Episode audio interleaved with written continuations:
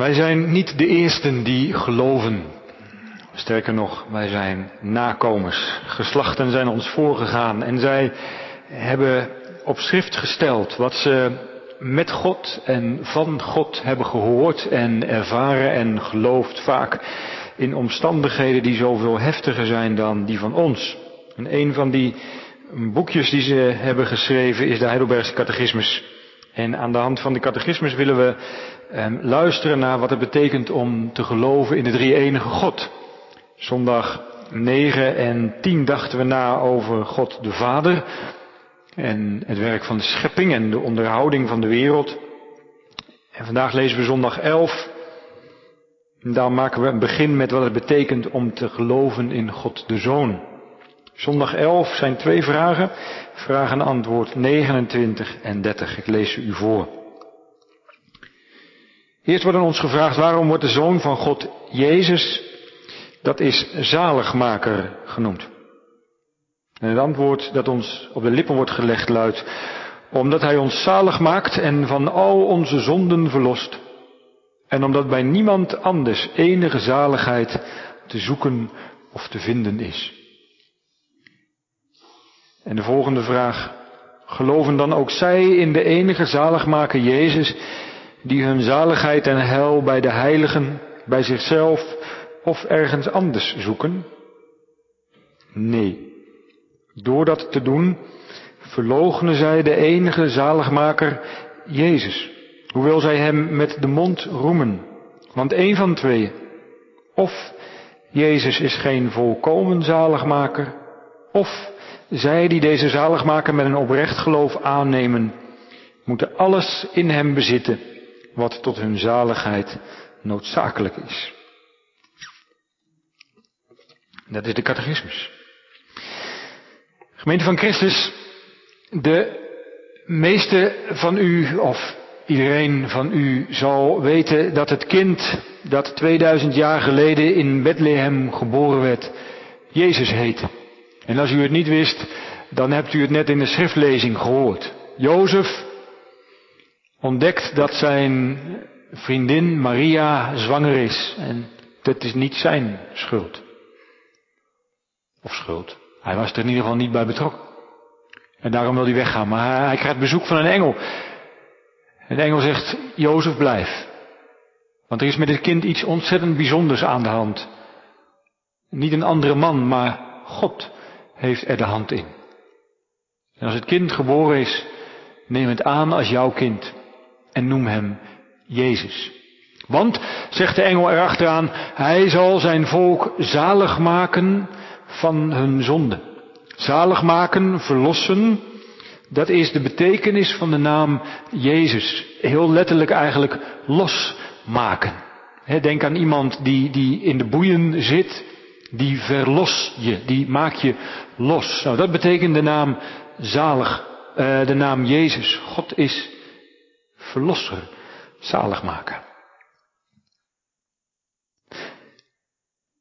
Dus die engel legt uit, dat kind dat geboren wordt, dat gaat mensen, zijn volk, staat er, verlossen, zijn volk losmaken van de zonde. Zonde was het begrip dat het hele Oude Testament door had aangegeven dat er tussen God en mens iets gebroken is. Of zoals Jezaja het ergens zegt, dat er een berg in staat tussen God en de mensen. En Jezus komt om die berg weg te doen. Zodat er een vrije toegang is naar God. En wij mensen met God mogen en kunnen leven. Hij gaat leven. Hij gaat lijden. En volgens een van de volgende zondagen in de catechismus is dat bijna hetzelfde. Hij gaat sterven. En zodoende maakt dit kind zijn volk toen, maar ook nu, vrij van zonde en schuld. Wie gelooft, hoort zondag aan zondag en dag in dag uit als je je Bijbeltje leest over Jezus. En wie gelooft, vertrouwt als hij of zij over Jezus hoort. Dat al onze schuld in Gods ogen weg is. En zo, dat gelovend, wordt de naam Jezus voor iedere christen van onmetelijk grote waarde. Maar, dan kijken we dus van, van beneden naar boven. Wij zien een kind in een kribbe en wij horen Jozef het kind Jezus noemen. En wij zien dat kind opgroeien en we geloven dat door zijn daden de toegang tot God weer vrij is. Catechismus doet iets anders. De catechismus begint niet beneden bij dat kindje in de kribbe, maar de catechismus begint boven in de hemel. Want de vraag is niet waarom wordt het kindje Jezus genoemd, en het antwoord luidt niet, nou ja, omdat hij door zijn leven en sterven bewijst dat hij de zonde overwint. Nee, er staat, waarom wordt de zoon van God Jezus genoemd? Wij hadden het, zegt de catechismus, over ons geloof in God. En we ontdekten dat de Bijbel uh, op een drievoudige manier over God spreekt. Over God de Vader, God de Zoon en God de Heilige Geest. En nu zegt de catechismus, als ik de Bijbel goed begrijp, noemt de Bijbel God Jezus. Dat is dus niet van onderop, maar bovenlangs. En wat is het verschil? Nou, het verschil is dat als wij beneden beginnen bij dat kindje in de kribbe, en het zomaar kan dat wij dat kind aankijken. En, en, en dat, we, dat we zeggen, het is wonderlijk wat daar gebeurd is. Hij is onterecht veroordeeld. En je kunt je hele leven in de kerk zitten en, en zeggen, verlossing, Jezus sterven, Goede Vrijdag en Pasen, dat is het grootste wat er is. Maar het is iets van toen. En daar. Om te zeggen, Jezus is mijn verlosser, dat is voor velen van ons heel ingewikkeld. Sommigen zijn het stamelend gaan zeggen. Anderen vinden het nog steeds heel moeilijk. Maar aan de andere kant kunnen we over God vrij makkelijk praten. En over mijn geloof. Of mijn kerk. Want over God kunnen we spreken met onze collega's. En onze moslimcollega's hebben ook God. En, en een atheïst, of iemand die zegt dat er iets is. Nou ja, daar kun je mee filosoferen, mee redeneren over God. Maar de catechismus zegt, zou je dat nou wel doen? De catechismus neemt een weg die, hoop ik, perspectief biedt. Voor ieder van u die, die twijfelt. Die zegt, ja, Jezus is de zaligmaker. En dat is groots en geweldig, maar ik durf niet te zeggen dat het mij gelukkig en blij maakt. De catechismus zegt, waarom wordt de Zoon van God, Jezus, dat is zaligmaker genoemd. En dus zegt de catechismus, op het moment dat wij het woord God in de mond nemen, kunnen wij beter het woord Jezus in de mond nemen. Want als ik tegen iemand zeg, dat is toch een vreselijk aardig mens. Ja, dan zult u al snel aan mij vragen, ja, welk mens bedoel je dan? Hoe heet hij of zij? En zo is God net zo'n woordje als mens. Je kunt, je kunt zeggen, wat een geweldige God hebben we. Maar dan vraag ik u, over wie hebt u het nou precies? Noem zijn naam.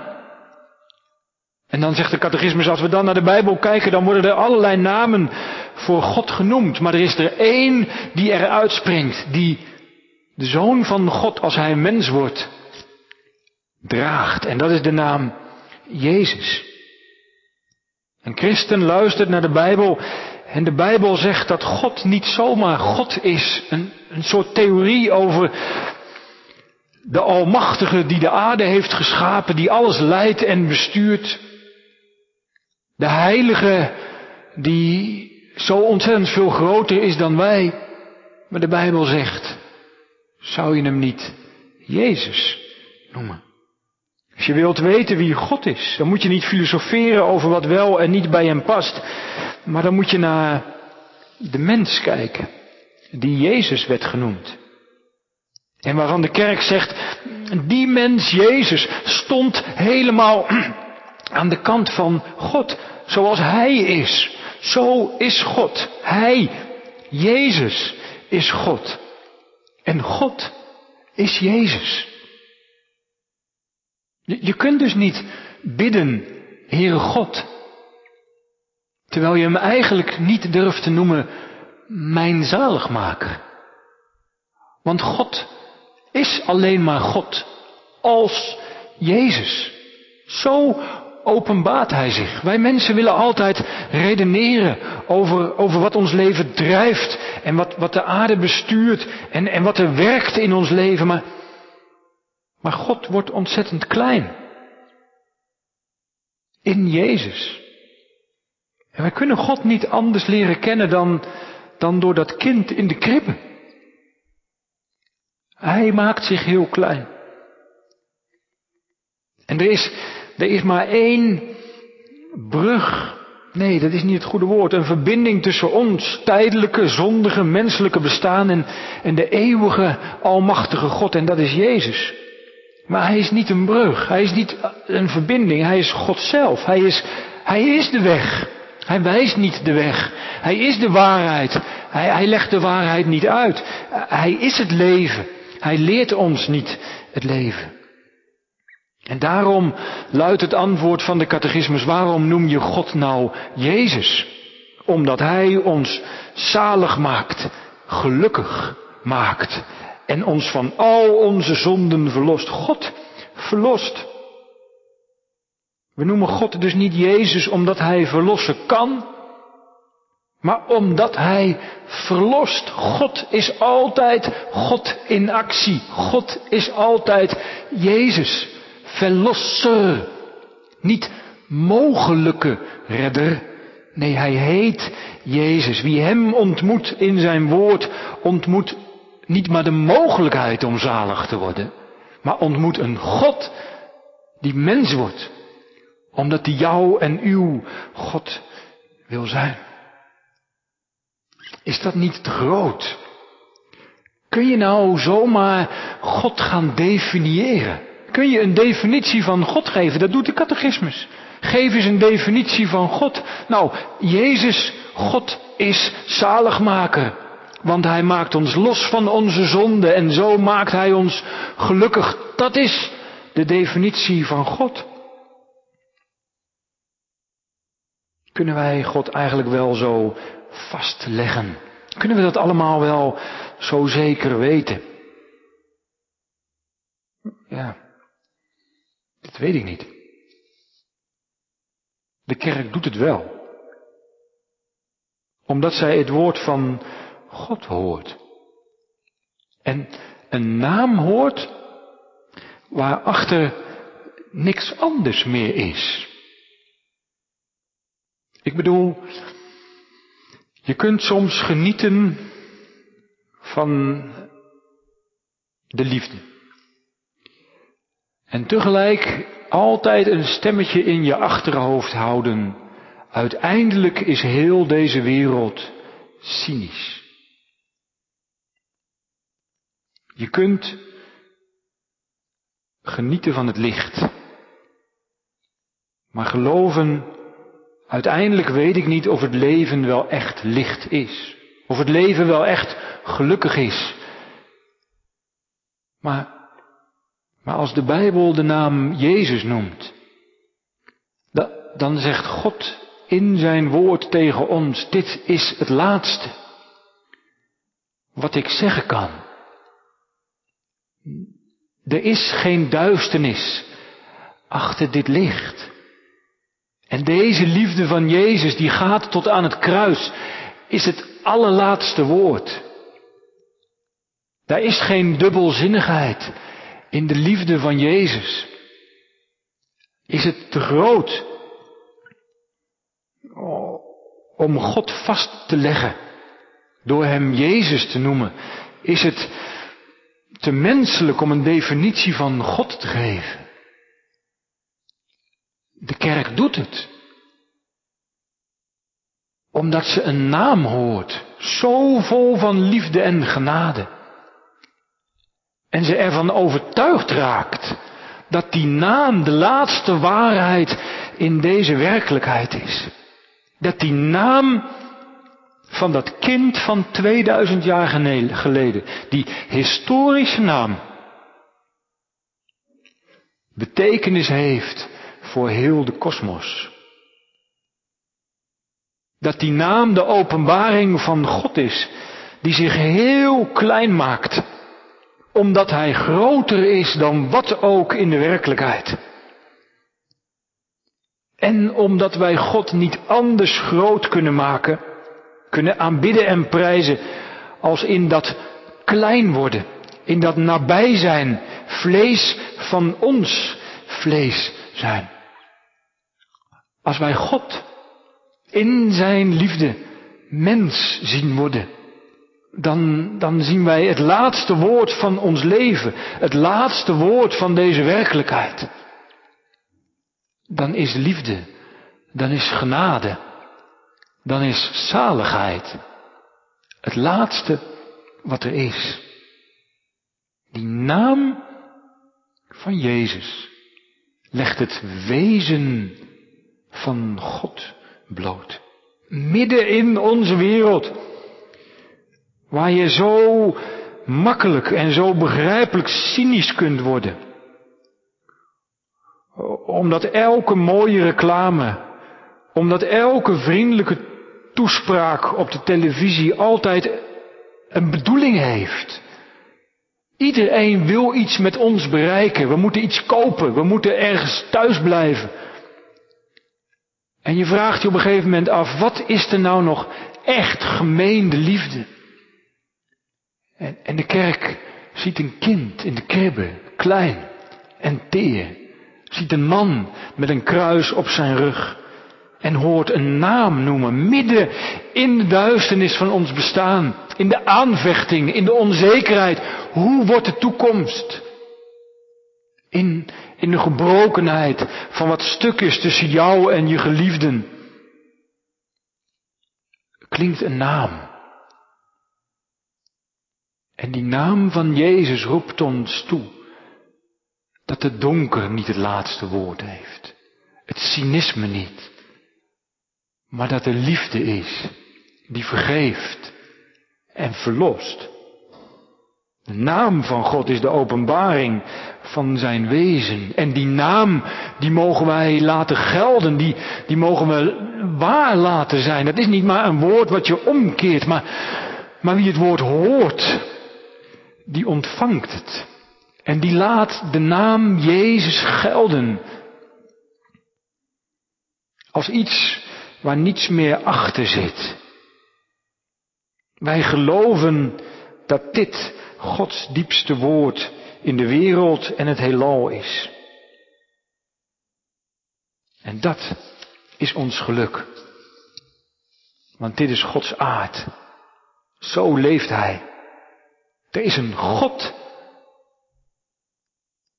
En als je wil weten hoe hij leeft, dan zegt de Bijbel, hij leeft als verlosser.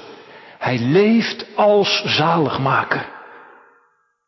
Dat is het begin en het einde van ons bestaan. Wie heeft daar wat aan? Hij zal zijn volk zalig maken van hun zonde.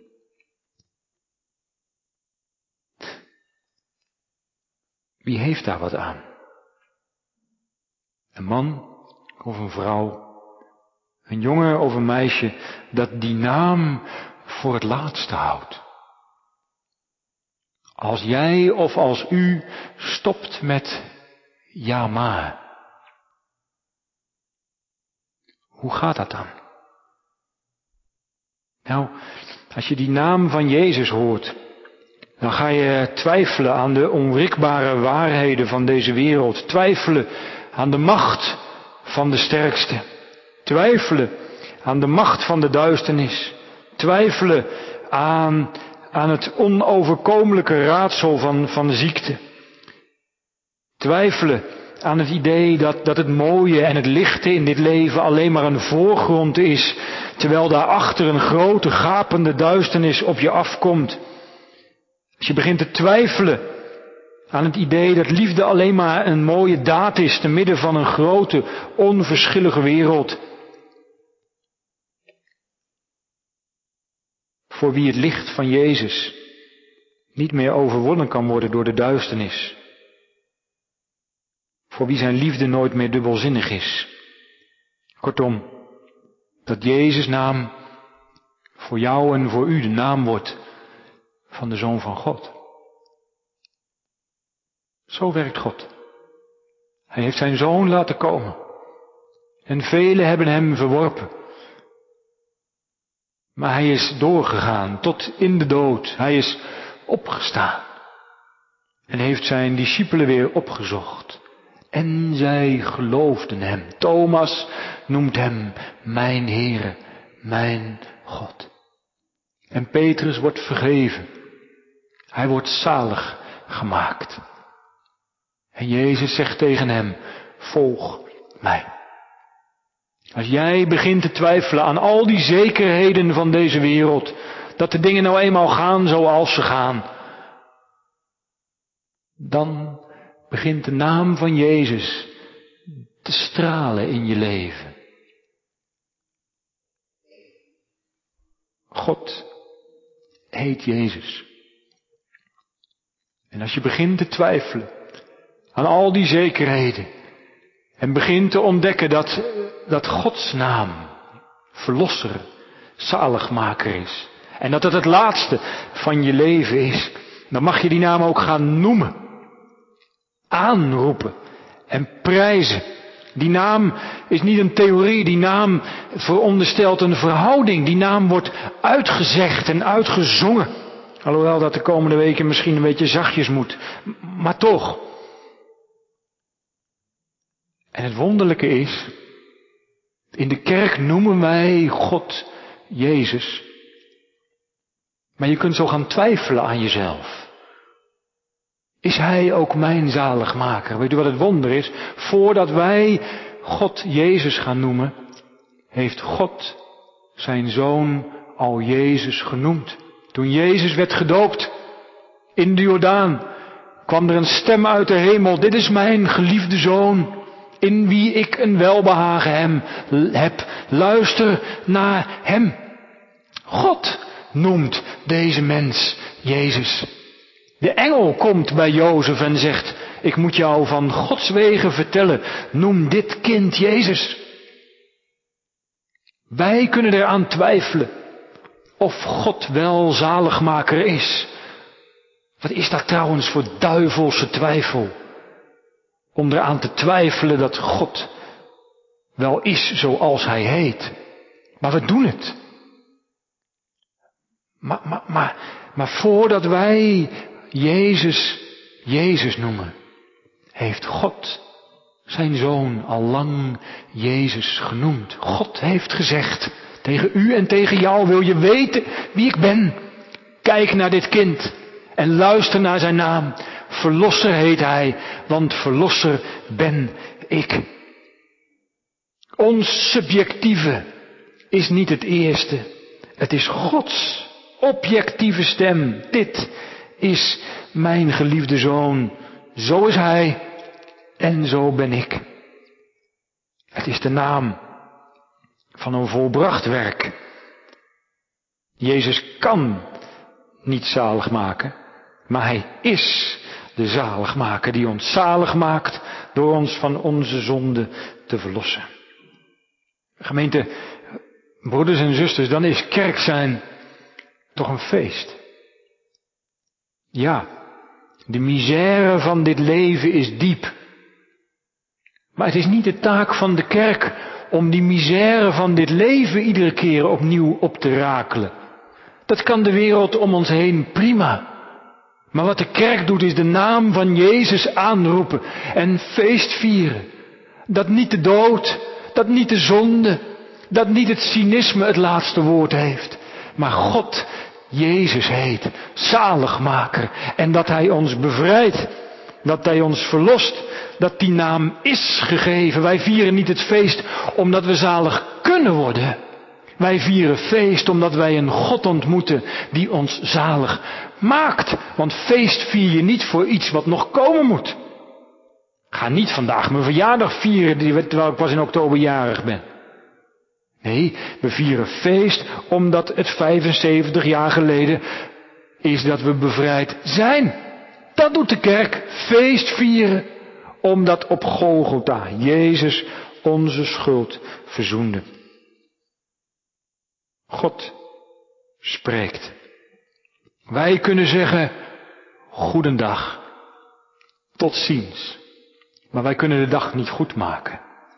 En wij kunnen niet bepalen, bepalen of we elkaar weer zien. Maar als God spreekt, en dat doet hij hier bij Jozef, als God zegt, noem het kind maar Jezus, dan gebeurt er iets. Gods spreken is creatief, is scheppend. En als hij zijn zoon Jezus noemt, en wij horen vanmiddag die naam, dan komt hij met kracht uw en jouw leven binnen. Verlos, dat betekent dat God een nieuwe wereld geopend heeft. Zijn koninkrijk. En dat hij u en jou in dat koninkrijk van hem een plaats geeft. God had werk te doen.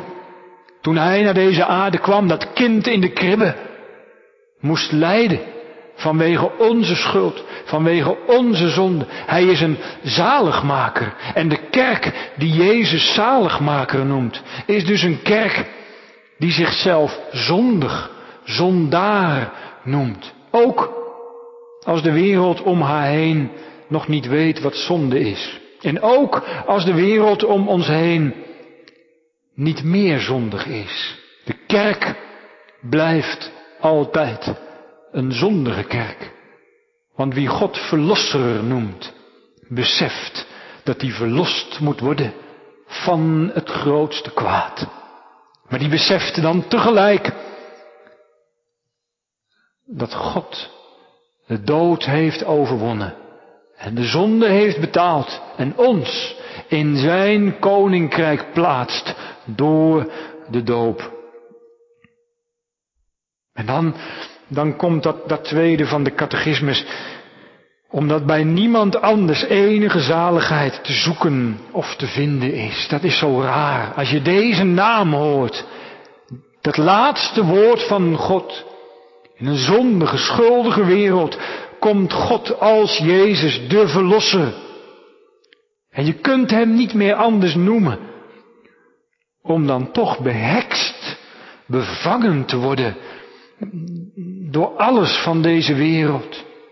Denk maar weer even aan, aan, aan de Tweede Wereldoorlog. Hoe konden die soldaten met op hun koppelriem God met ons naast Jezus bloed und boden zo hoog in het vaandel hebben. En het gekke is, bij ons kunnen dingen soms naast elkaar bestaan.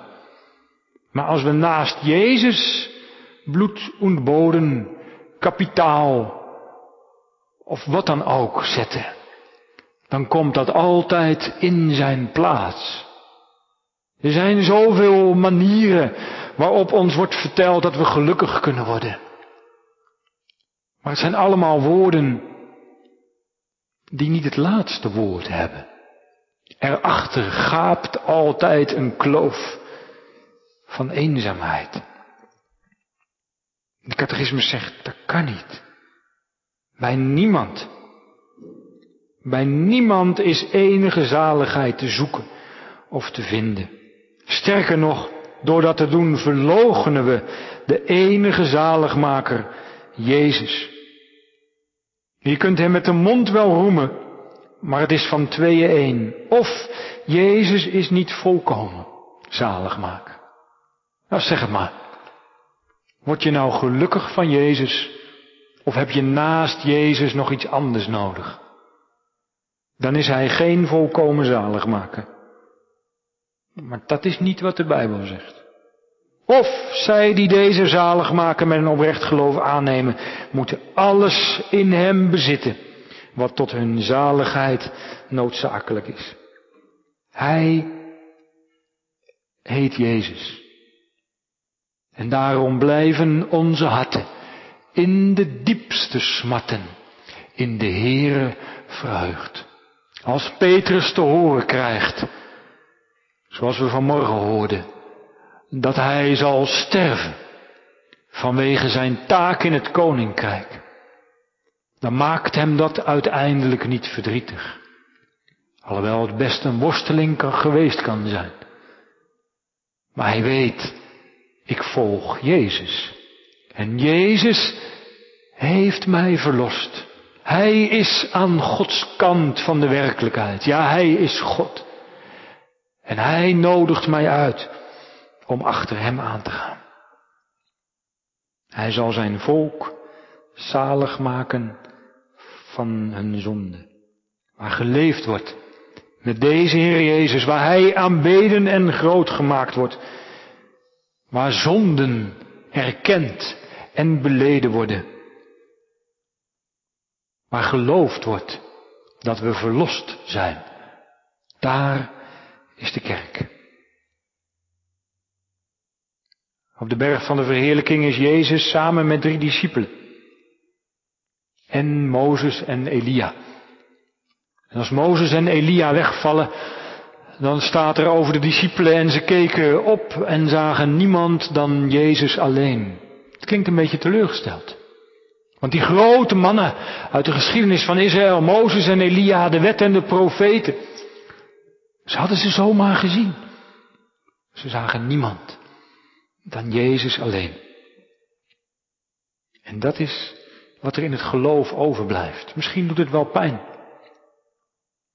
Omdat je dan dingen moet laten varen waarvan je gedacht had, oh wat mooi als ik dat naast Jezus heb. Niet omdat er niks anders naast Jezus is.